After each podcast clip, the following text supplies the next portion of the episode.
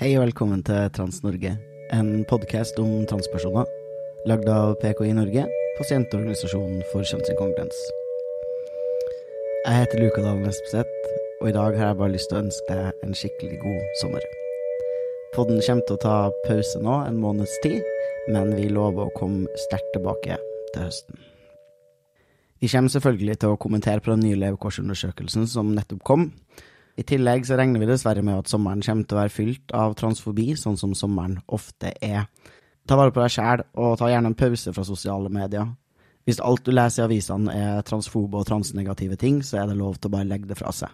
Slapp av, heng litt med vennene dine, stikk på en pride nær deg hvis det er mulig. Det har vært skikkelig gøy å begynne å lage denne podkasten, og jeg vil bare takke dere alle for alle de kule og bra tilbakemeldingene vi har fått. Vi fortsetter, selvfølgelig. Følg Trans-Norge der du lytter til podkaster for å få med deg alle episodene av podden. Vi har 30 episoder liggende ute, så du har litt å holde på med i sommer òg. Jeg tviler på at du har hørt alle.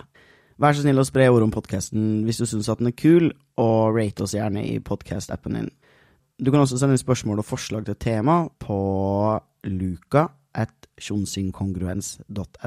L-u-c-a, krøllalfa, Tjonsingkongruens.no.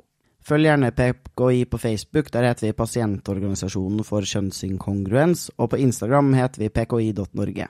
Og meld deg skikkelig gjerne inn i PKI, da, på nettsiden vår www.sjonsinkongruens.no. Vi har i talende stund over 600 medlemmer. Vi er snart i ferd med å bli en større pasientorganisasjon enn HBRS, Harry Benjamin ressurssenter.